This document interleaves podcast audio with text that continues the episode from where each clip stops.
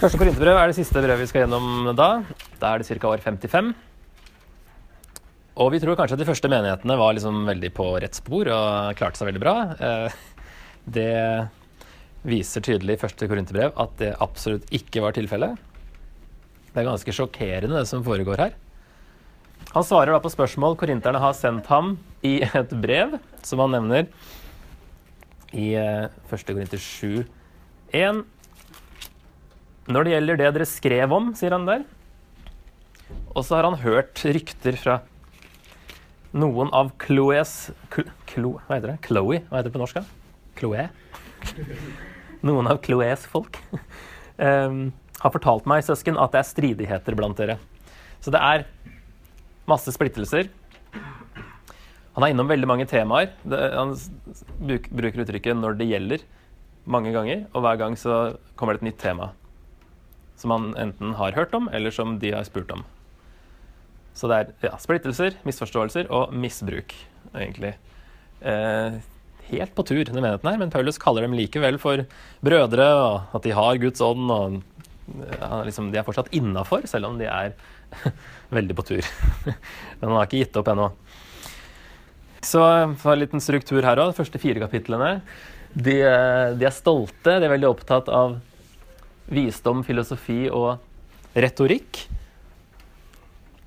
Eh, der Paulus sier at uh, det er ikke det det handler om, og han med vilje lot være å bruke sånne fancy virkemidler når han var der og skulle forkynne evangeliet.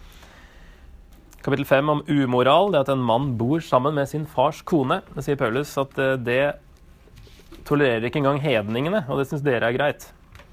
Så han er ganske sjokkert. Kapittel 6 er det problemløsning. Det at de går til eh, sak mot hverandre for småting som de burde klart å ordne opp innad. Og Resten av kapittel seks handler om umoral. Der han snakker om eh, hor og prostituerte, og det at hvis du benytter deg av det, så drar du med deg Jesus og hele menigheten inn i dette her. Kapittel sju er det ekteskap og mer. Sølibat, skilsmisse.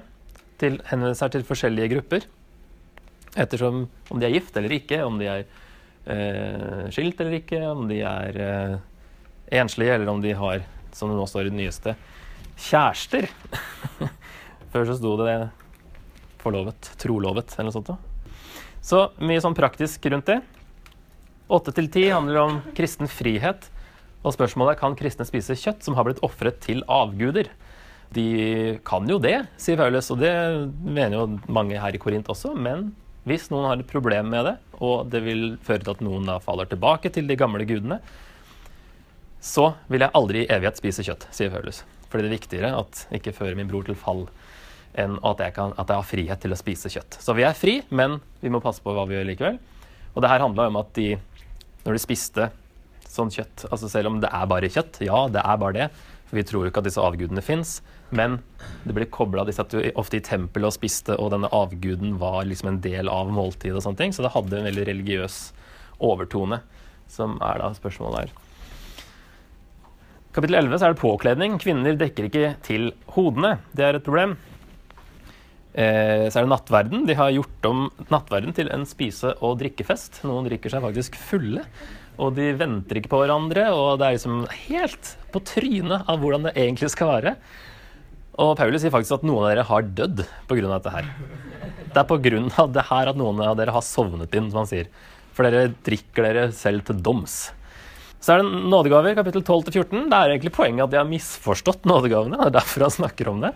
Det er der vi har veldig mye stoff om nådegavene. Men poenget er at de eh, kjører solo med nådegavene og bruker det ikke til å bygge opp menigheten. Eh, og de står og skryter av nådegavene sine og sånne ting. Veldig stolt at de talte masse i tunger og sånt. Siste punktet, bare ta med det, er kapittel 15 handler om oppstandelsen. At de da ikke tror på oppstandelsen, eller at de tror at den allerede har skjedd. Eh, og Paulus sier der at hvis ikke Jesus har stått opp, da er jo vi de ynkeligste, patet, mest patetiske av alle mennesker som tror på dette som vi tror på, hvis ikke Jesus har stått opp. For det her er kjernen i kristendommen, er at Jesus må ha stått opp fysisk. Ellers så rakner alt. Og det at de tror at den kanskje allerede har skjedd, at de har, liksom fått liksom oppstandelseskroppen allerede, det er kanskje det som er årsaken til alt det tullet her. At de mener at de kanskje synd er ikke relevant lenger fordi jeg har fått min oppstandelseskropp. Um, og derfor de tror de er veldig åndelige, kanskje. Fordi de har liksom fått den åndelige kroppen, og det er mye snakk om at de er så åndelige. og nådegavene. Paulus sier at for å være virkelig åndelige, så må de gjøre kjærligheten til det viktigste som da det kjente kapittelet, kapittel 13, eh, som da står i en kontekst her av nådegavene, og at kjærligheten er viktigere enn alle nådegavene, at den må være utgangspunktet. Eh, indirekte så legger han fram kjærligheten som det motsatte av det de holder på med, egentlig. I kontekst så ser du plutselig det. Profetisk gave, kjenner alle hemmeligheter, eier all kunnskap, har tro som kan flytte fjell, men ikke har kjærlighet. Da er jeg, da er jeg intet. Samme om du har masse nådegaver, men ikke kjærlighet. Da har du ingenting. Vers 16-14. En slags oppsummering. La alt dere gjør, skje i kjærlighet, sier han der.